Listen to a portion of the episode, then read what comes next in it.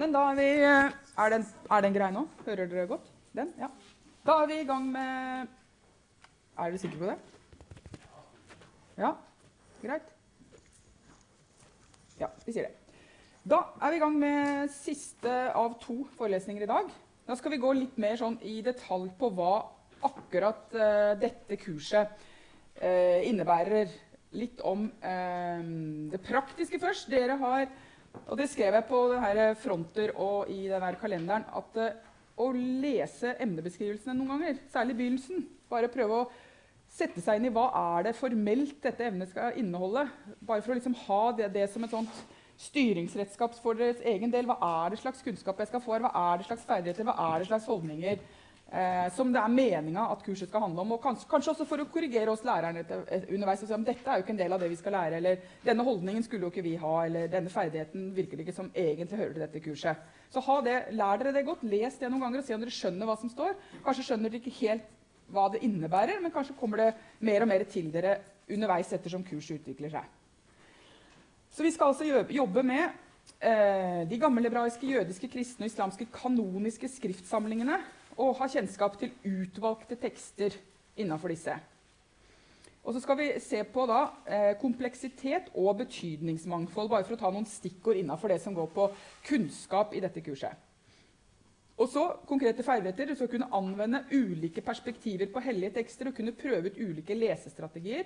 Reflektere over samspill mellom lesestrategier. Og så skal du eh, Selvstendig og kritisk reflekteres selvstendig og kritisk i møte med bruk av kanoniske religiøse tekster i norsk og europeisk offentlighet. Intet mindre. Holdning. møte med kanoniske tekster og deres ulike lese lesninger skal bidra til å modne din kritiske refleksjon over tekstene og deres historiske og aktuelle betydning. Kunnskap, ferdighet og holdning. Alt det skal dere prøve å få med dere dere, på alle de nivåene skal dere helst lære noe i løpet av dette kurset. Da er dere innafor hvis dere liksom får med dere kunnskap, ferdighet og holdninger på dette nivået. Så litt om da hellige tekster. Eh, skrifter som taler gjennom tiden, er det en av, av uh, bøkene på pensum som sier. Skrifter som taler gjennom tiden. Hellige tekster kan være rike på dyp innsikt og visdom om mennesker og om det guddommelige. De kan være fulle av detaljer. Overraskende, underlige, uforståelige. Den teksten vi leste fra Jesaja, eh, noe av det var litt underlig, noe var litt overraskende, noe var uforståelig. Men kanskje var det også noe innsiktsfullt, noe som var vakkert eh, i teksten. Tidvis skremmende og farlig i sin voldsomhet, brutalitet og maktspråk. Det kan, vi også si, det kan også sies om hellige tekster. Tidvis uendelig vakre.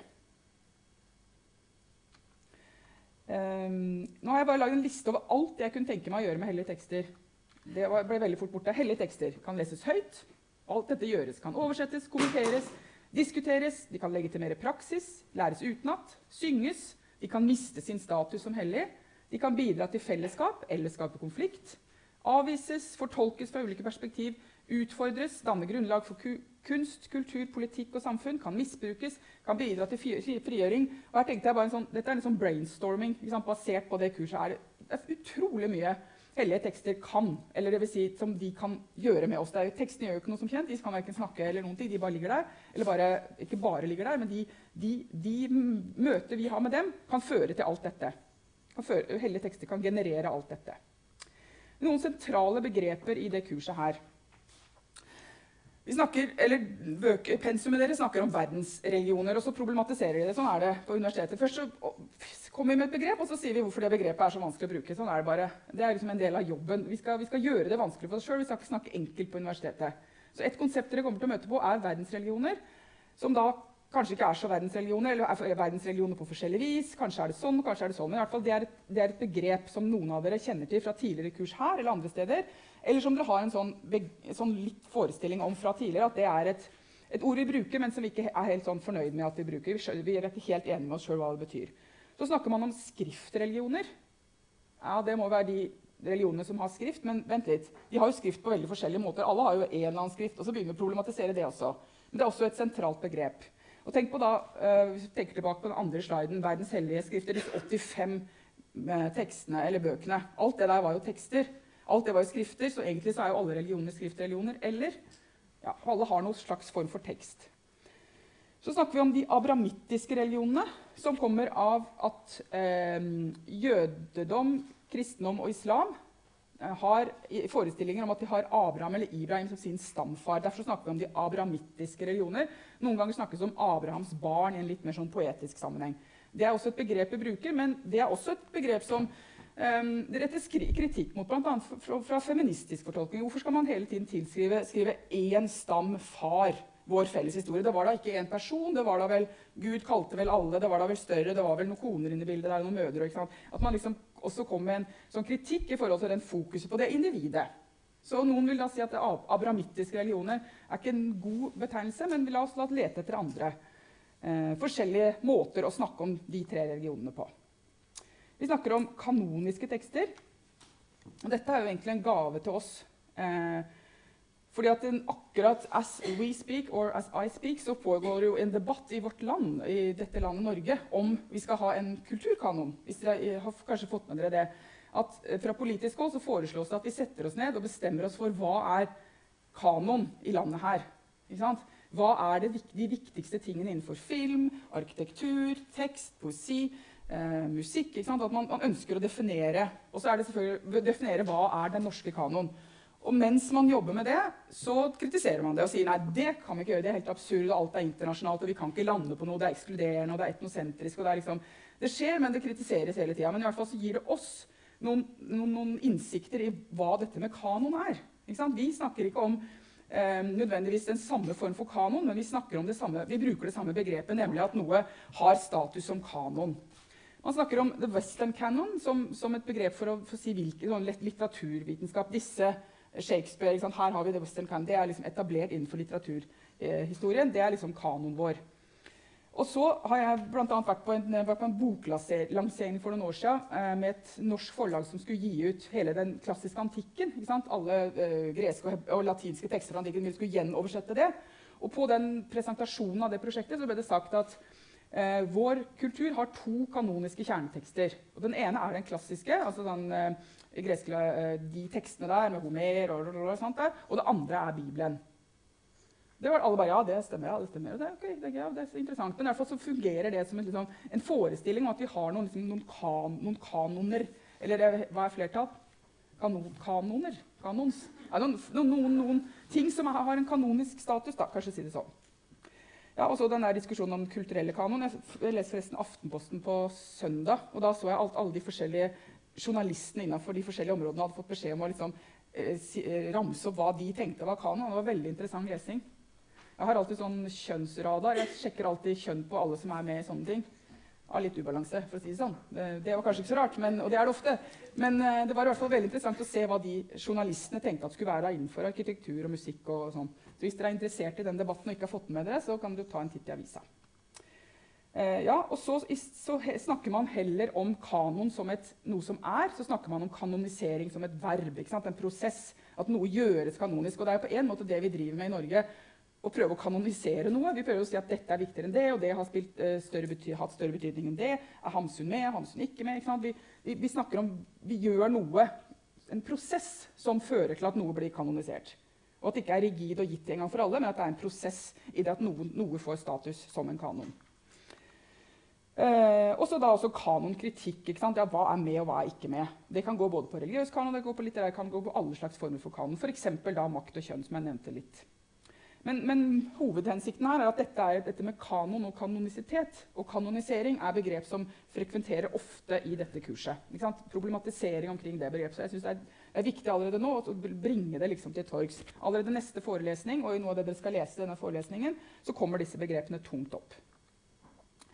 Eh, så snakker vi om autoritative tekster også.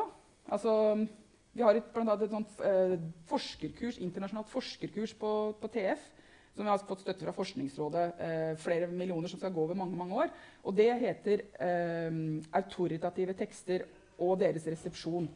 Som rett og slett handler om å, å problematisere og studere tekster som er autoritative innenfor religiøse sammenhenger, innenfor jussen, for uh, juridisk fakultet er også med, innenfor litteratur, innenfor historie. Så det med å snakke om autoritative tekster er heller ikke et enkelt konsept, men det er et viktig konsept. Hva er autoritet? Hva betyr det at en tekst er kanonisk? Hva betyr at den har en, en autoritativ funksjon? Viktig i kurset. Eh, og så er det denne diskusjonen og distinksjonen mellom tekst og skrift. Eh, den på en måte hovedboka dere har, den, den, heter 'Hellige skrifter'. og det der Bokklubbens serie heter jo 'Hellige skrifter i verdensregionene'. Eh, skrift og tekst. altså Skrift er det som er skrevet. Tekst kan være bredere enn det som er skrevet. Men vi å, vi, vi bruker tekst når vi snakker om det, nettopp for å fange det at, at tekst kan være mange ting. Tekst kan være i, i, det fins mange måter å få tilgang på, på, tekst. Noen vil også si at tekst kan være muntlig. Tekst, tekst kan være noe vi hører. Så vi har valgt å bare bruke det sentralt, men bare vite at det er også en diskusjon. og den kommer dere til å møte i kurslitteraturen, At man har preferanser enten for å snakke om hellig tekst eller hellig skrift. Bare få med dere liksom hva, som er, hva, som er, forskjellen. Eh, tekster kan være både skriftlig og muntlig. muntlig og så selvfølgelig kjernespørsmålet hva betyr hellig.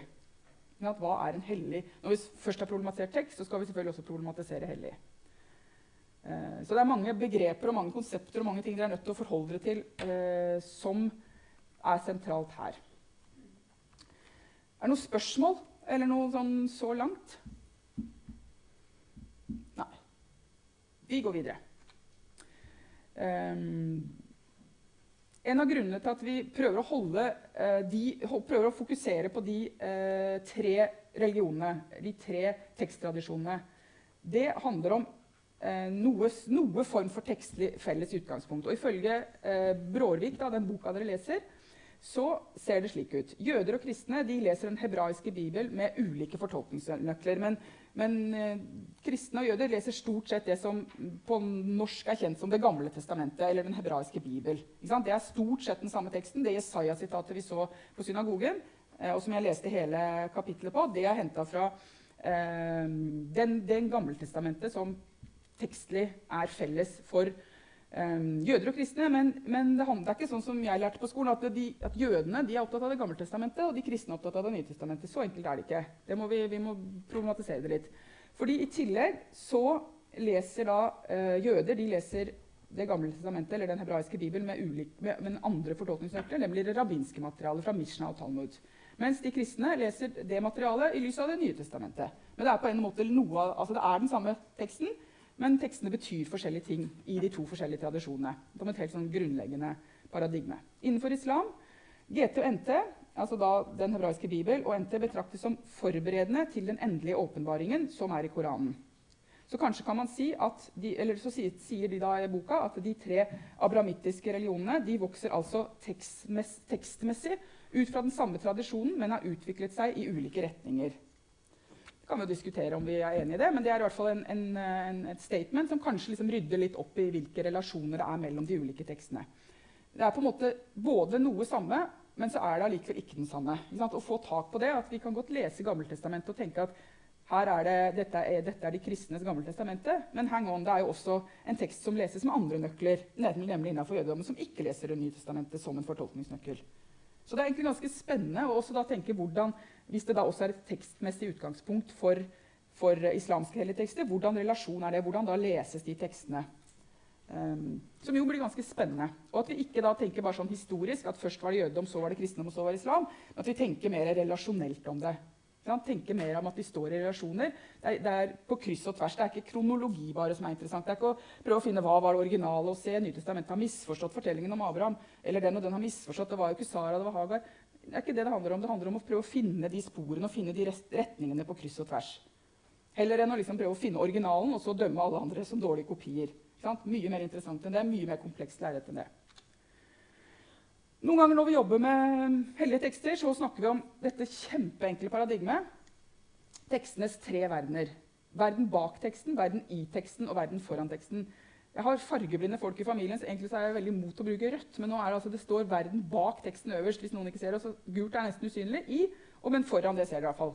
Det er veldig viktig, for foran teksten der er jo vi. Og så tenker man at bak teksten fins det en verden. Det finnes, hvis, hvis, vi skal lese Markusevangeliet, som dere skal lese, så er det på en måte en historie der som vi, som vi må forholde oss til. Det er noe bak der. Han, han, forutsetter at de skjønte ting, at de kjente ting, at de visste ting. Det er noe historisk der som vi må forholde oss til og rette et søkelys mot. Og så er det en verden i teksten. Teksten prøver å lage seg et verdensbilde. Eh, opp, englene er der, og himmelen er der, og så er under jorda er, Det, det, det, det fins en liksom, beskrivelse av en, en, verden, en indre tekstlig verden i teksten. Og så er det også da alle som er foran teksten. Det er jo da oss og de første som hørte teksten. Det er, det, er, en veldig stor verden. Da, så det er veldig viktig at du ser den.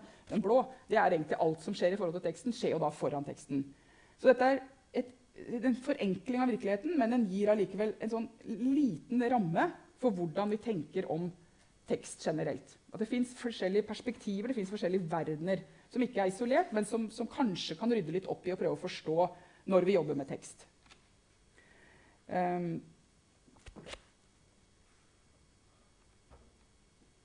jeg tror at vi Her har jeg eh, for, lagd for dere noen, bare noen notater til det som, er, eh, det som, er, i læreboka. Som rett og slett handler om å diskutere hvordan man, hvordan man, får tak på dette. Hva er religion? Hva er hellige tekster? Hvilke funksjoner har de hellige tekstene? Hva er det som konstituerer tekstene? Og hvis disse tekstene er konstituerende, altså det betyr at de har en eller annen form for instruktiv funksjon, hvordan gir det seg da uttrykk i tro, rituelt liv, politisk virksomhet? Og også at man kan se hellige tekster utenifra, eller innenfra og utenfra. Og det er ikke alltid at det korresponderer. At det skjer noe inni et, et, fellesskap, inni en religion, inni et trosfellesskap. Og det skjer, eh, kan skje andre ting i forhold til dette utenifra. Det er ikke alltid at det korresponderer hvordan man ser på disse tingene. Og det kan være uenighet om skriftenes betydning, sammensetning og oversettelse. Den som forvalter de hellige tekstene, forvalter også sannheten. Apropos første slide, som handla om at for å forstå en religionsidentitet, så må man for, forstå tekstene.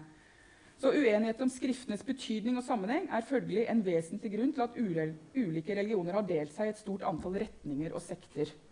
Det er så grunnleggende. Og for å forstå noe av dette historisk, eller for så vidt aktuelt, så trenger vi å vite hva er det de tekstene hva er det de handler om. Hva er det som gjør at de tekstene er så vesentlig, at fortolkningen av de tekstene, eller oversettelsen eller hvilke manuskripter er så viktig at noen tenker at her kan vi ikke, kan vi ikke være fellesskap. Dette er så avgjørende. Vi må, vi må splitte. Vi må, vi, må, vi må, være en egen gruppering.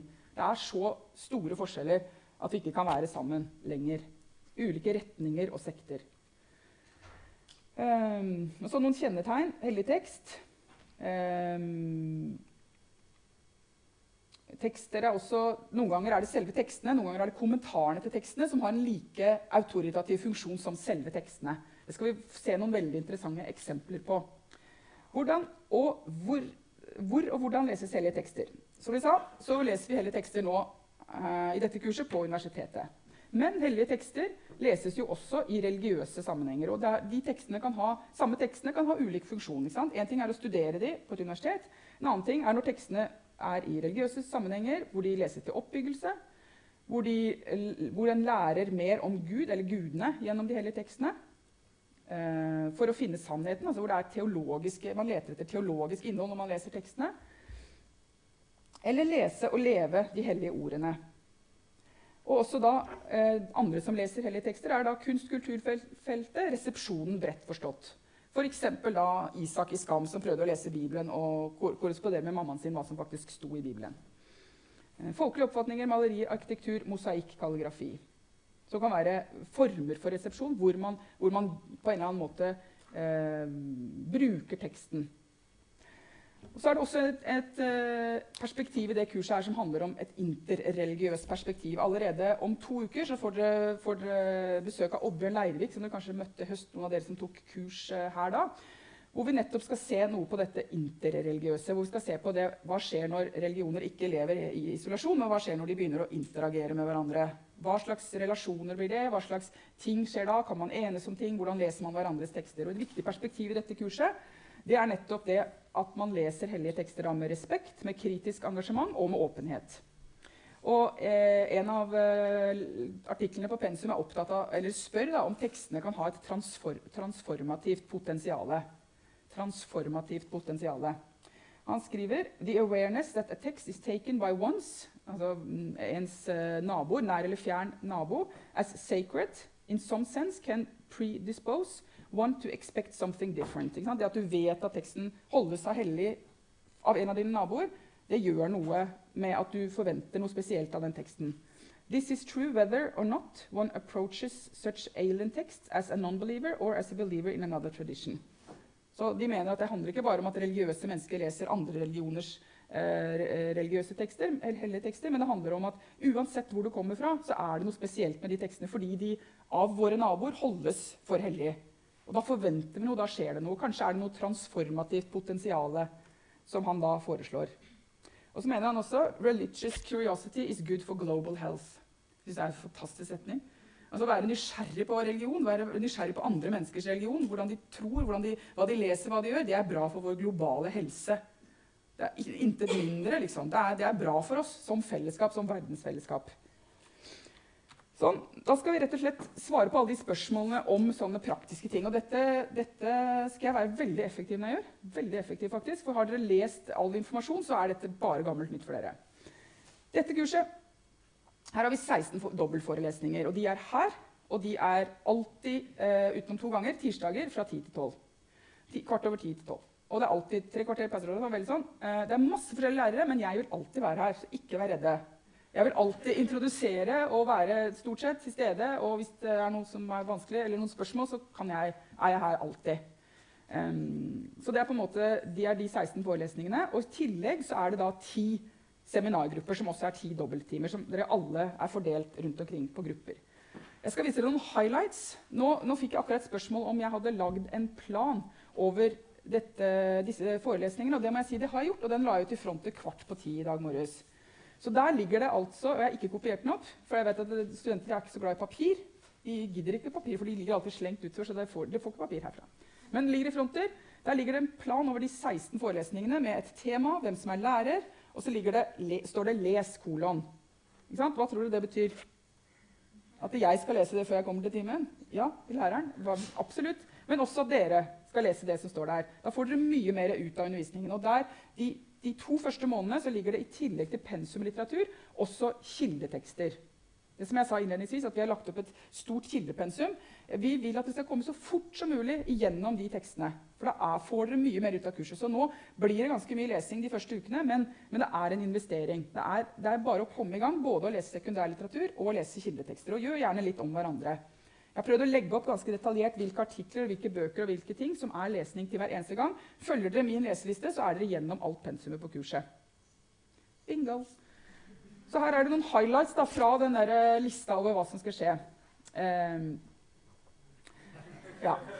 Ja, ja. Dette er rett og slett noe som er litt utenom uh, forelesningen. Men det er også om to uker så er dere rett og slett velkommen på boklansering her oppe i foajeen til TFs foajé. Det er rett og slett jeg som har skrevet en bok, redigert en bok med, om Lukasevangeliet sammen med noen studenter her. Så vi har rett og slett skrevet en bok sammen. Det er ikke så vanlig at man skriver bok lærere eller professor og studenter sammen, men det har vi altså gjort, og det har vært basert på deres eksamensoppgaver. Noen teologistudenter som har gått her tidligere semestre.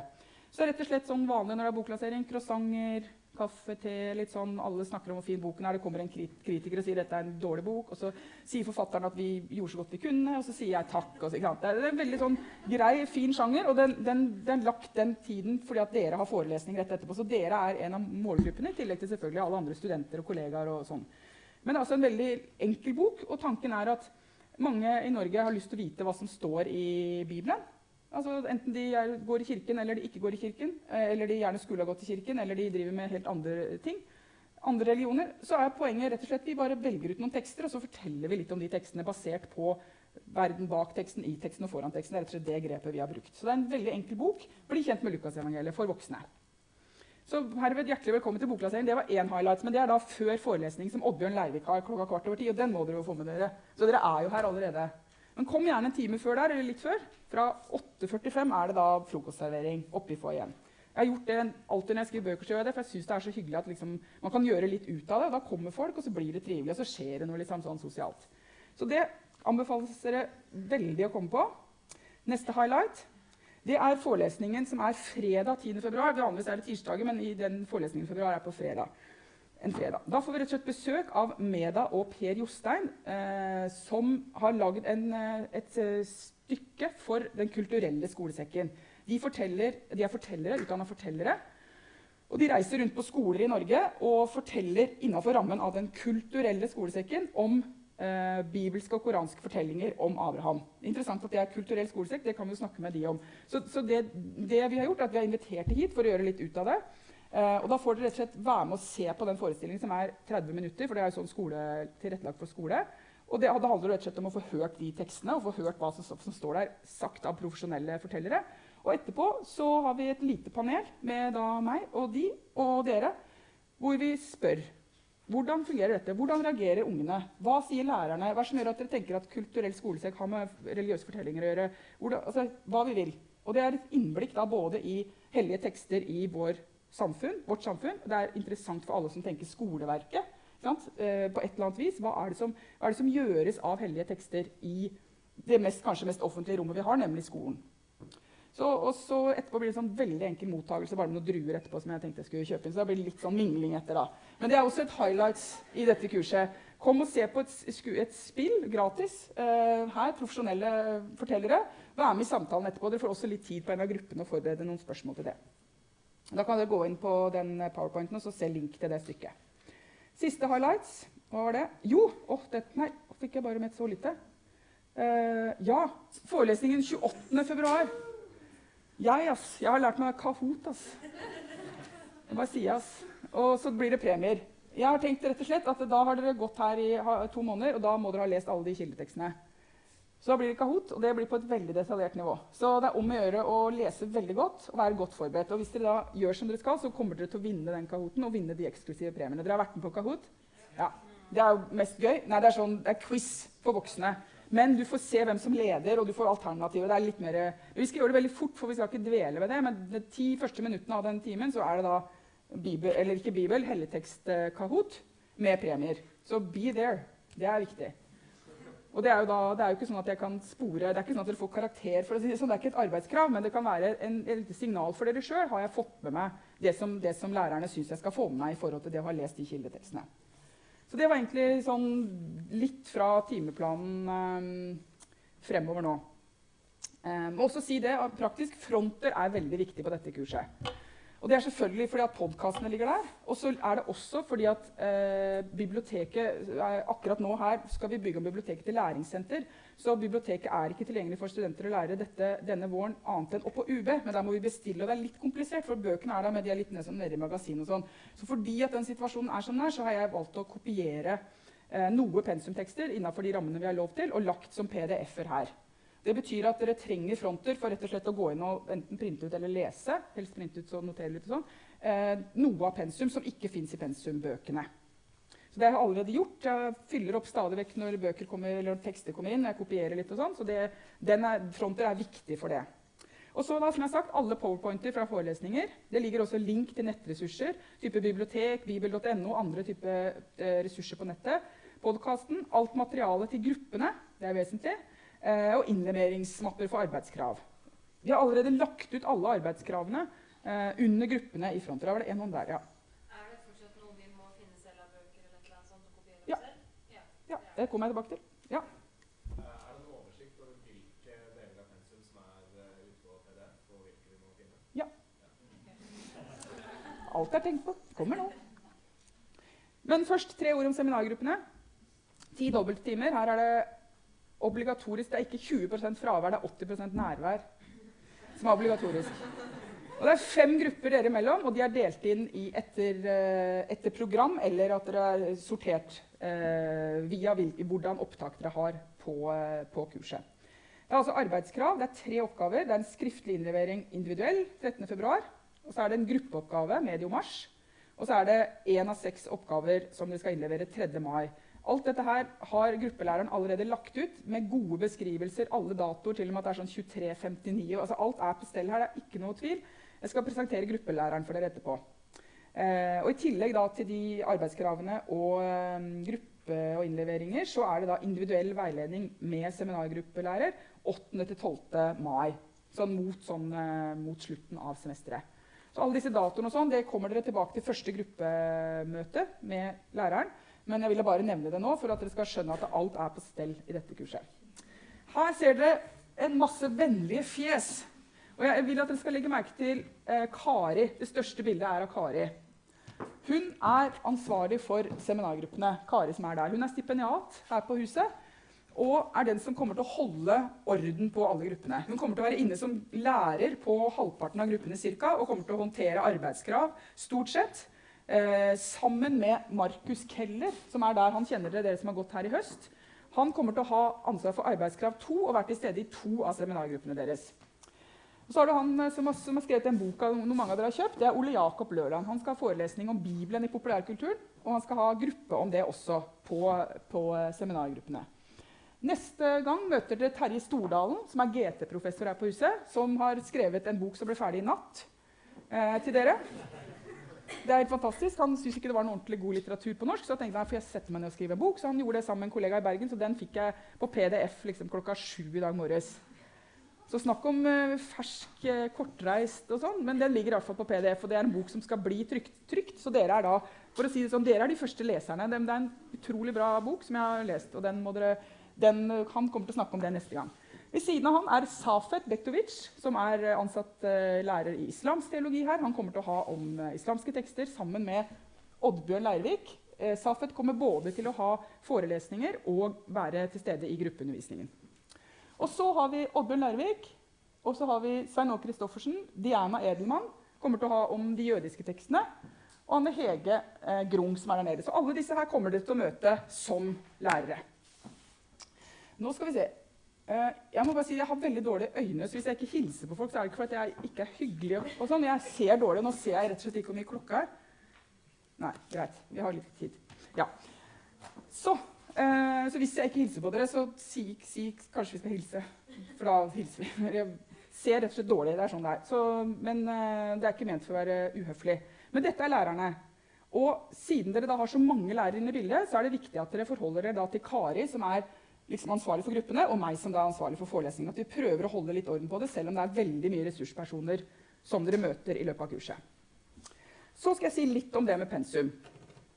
Eh, vi, kaller, vi, kaller, ting sekundærlitteratur innenfor når vi jobber med hellige tekster. Det er altså eh, lure ting som er skrevet om, så, eller som er liksom skrevet og, diskutert, som diskuterer eh, kildetekster. Det er liksom to forskjellige kategorier innenfor det kurset her. Vi har, Innenfor sekundærlitteraturen så har vi fire forskjellige nivåer eller fire forskjellige temaer. Det ser dere på pensumlista som ligger på emnesidene. Vi har overordna, og så har vi om de tre tradisjonene resepsjon og felles fortellingsgods. Innenfor kildetekstene så har vi da jødiske rabbinske tekster. ligger på eh, PDF i fronter snart. Og så har dere Det gamle testamentet, hebraiske bibel, Nytestamentet, Koranen. Eh, eh, og da står det 'Se info' i fronter. Oddbjørn og Safet har lagt ut en, eh, en, eh, oversikt i fronter hvilke koranutgaver vi kommer til å bruke i dette kurset. I tillegg, for man kan, bare, man kan, bruke online både på Bibel og Koranen, men NBNB Når dere kommer til eksamen, så har dere lov til å bruke visse hjelpemidler. Da har dere bare lov til å bruke trykte utgaver. Så hvis dere venter til bare å søke på nettet og bare ha tilgang på det, så sliter dere hvis dere ikke aner hvordan en Koran eller en Bibel fungerer som tekst i virkeligheten. Så det er litt viktig. Eh, hvis skal dere skaffe dere en, en, koranutgave som vi kan bruke i dette kurset, så les instruksene fra Safet og Oddbjørn. Og de anbefaler bokklubbens, eh, norske bokklubben eh, i den serien Hellige skrifter. Og også så anbefales det et par forskjellige utgaver eh, på hvilken bibel dere kan bruke. Og så Når det gjelder de, jø de jødiske rabbinske tekstene, så holder da Diana Edelmann, som er læreren på det faget her på huset, holder på å lage en PDF for det til dere, hvor hun trykker opp de tekstene. Så det kommer i løpet av i går. Eller i, morgen, kanskje. Så det, det er på vei. Så, så, de tekstene får dere uh, ganske snart tilgang på.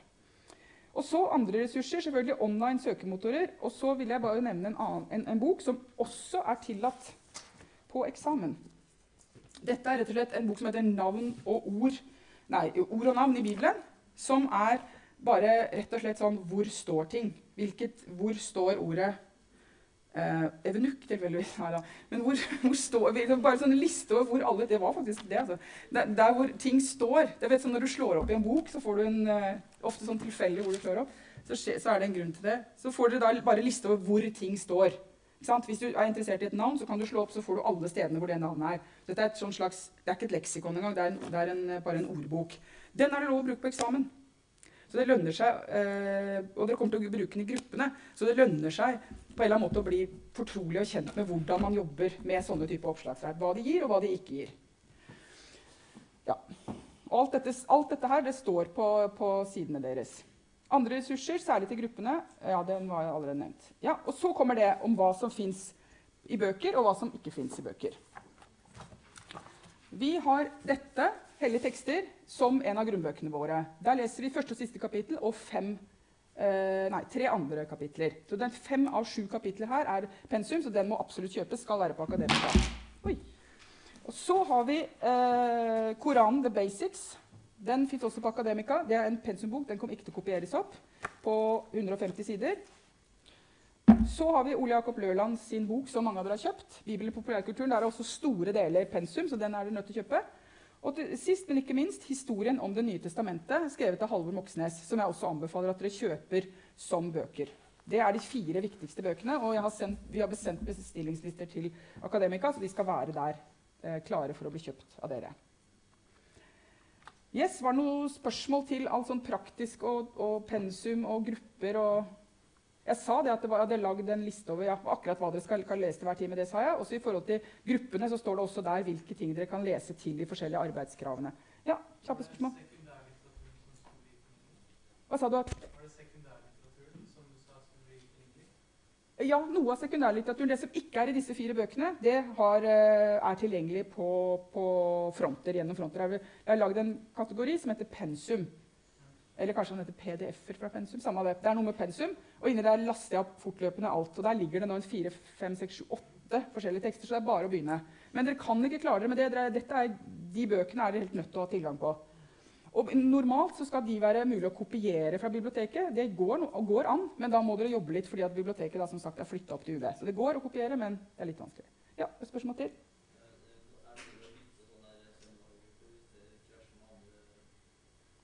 Um, ja, nei, nei, ja. Det er egentlig ikke. Men uh, send en henvendelse til administrasjonen, for de, de administrerer og ser litt i forhold til hvordan du skal gjøre det. Men det er bra du spør om.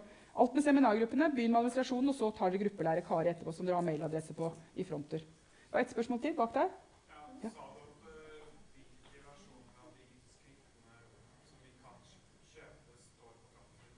Ikke fronter, det ligger på emnesidene. Der ligger det hvilke, hvilke utgaver som er tillatt å ha med på eksamen. Ja, også på, I forhold til Kor Koranen ligger, der ligger det i fronter mer detaljert, for der er det sånn bestillingsadresser og litt sånn som Oddbjørn og Safet har lagt ut der. Så fronter og eh, emnesidene veldig, veldig viktig for å orientere seg i hva som er pensum. Ja. Så de der koranene som eh, vi kan ha på eksamen, eh, den må kjøpe fra bokklubben. Ja. Men eh, man, man må ikke melde seg inn og være medlem og få masse bøker? Eh, for å si sånn, Jeg sleit litt, jeg òg, men ifølge Oddbjørn så kan du bare bestille fra Bokkilden. Da kan du bare bestille. Men det, jeg er veldig dum, så jeg, jeg ble medlem i bokklubben. Jeg. Så nå bare kommer det bøker som jeg, jeg vet ikke om jeg skal avbestille. og sånn, men jeg, Det er et godt spørsmål, men ifølge Oddbjørn, som skjønte det, så kan du bare, bli, bare bestille en bok. Ja. Nei, for jeg var også litt Nei, ikke jeg. Jeg fikk aldri, jeg fikk aldri den Koranen. Uh, ja. Jeg, den, jeg, får den snart. Jeg må bare jobbe litt. Ja, Det siste bildet fø- før vi liksom ikke runder av, men før vi skal ha aller siste som skjer, det er bare fra Oslo domkirke. Jeg syns det bildet var så fint med noen barneungdommer som sitter og prater midt i byen, og så bak der så er det hele saligprisningene fra Matteusevangeliet. Med bilder og mm, liksom, illustrasjoner. De sakkmodige er der, og de som søker er der, de som sørger og de barmhjertige. Det er en fantastisk nydelig tekst, og så sitter de der sånn snakker om livet liksom sånn uaffektert. Det, det syns jeg bare var et sånn fint bilde på hellige tekster midt i livet. Før vi runder av, så har vi fått, be fått besøk av Johannes fra studentutvalget. Som eh, kan komme frem hit, og som skal eh, informere litt og snakke litt med dere om viktige ting. Før vi tar eh, pause. Eller før vi tar og avslutter, faktisk. Vær så god. Kan dere snakke der? Ja. Eh, to ting jeg skal si hører alle med. Ja. For det første, i morgen så er det semesteråpningsseremoni. Klokken ni til Er det 11 eller 12, husker du det? 12, 12 ja. Da får vi besøk av Trine Skei Grande, Bård Vegar Solhjell, eh, et par ansatte på TF, og det blir en panelsamtale og debatt rundt å utdanne religiøse ledere. som de fleste vet, så har vi akkurat, eller som noen forhåpentligvis, forhåpentligvis vet, så har vi tatt opp praktikum som en del av vår utdanning nå. Så vi kontrollerer på en måte hele presteutdanningen som foregår på TF. Og i den anledning så er det blitt på en måte en større debatt rundt utdanning av religiøse ledere generelt. Så kom på det, det blir spennende. Håper så mange som mulig møter opp. Og det andre er at vi skal snart ha valg til uh, fakultetsstyret, som er det øverste organet som liksom tar beslutninger på TF. Der trenger vi to studentrepresentanter og varaer for de. Så jeg håper så mange som mulig melder seg på. Det er ikke så mye arbeid, men det arbeidet som er, det er lønna.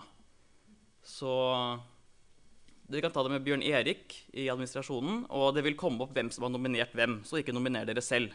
Få noen til å gjøre det for dere.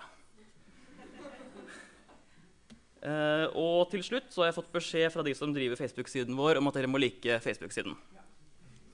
Det var egentlig det hele. Ja? Da, er det noen spørsmål til studentutvalget når dere har Johannes her? Semesteråpningen i morgen klokka ni. Er det det? Ja. Her. ja. Her. Åpen for alle. Ja, spørsmål? Nei Bård Vegard Solhjell fra Ja. SV kommer også. Og sånn. Og så kan jo du fronte den politiske meningen du har, hvis det Hvis, du, hvis noen har behov for det. Men politikere og folk herfra og andre Ja. i panel. Jeg tror det er 40 minutter satt av til spørsmål og svar. Ja. Så det blir nok av muligheter hvis det er noe dere lurer på. Så er det jo da semesteråpning. Da er det alltid sant, kaffe og kake er det ikke det, i kantina etterpå. Ja. og Litt sånn Ja. gratis. Så det er bare å komme klokka ni. Yes, Hvis ikke det er mer, så ses vi om en uke.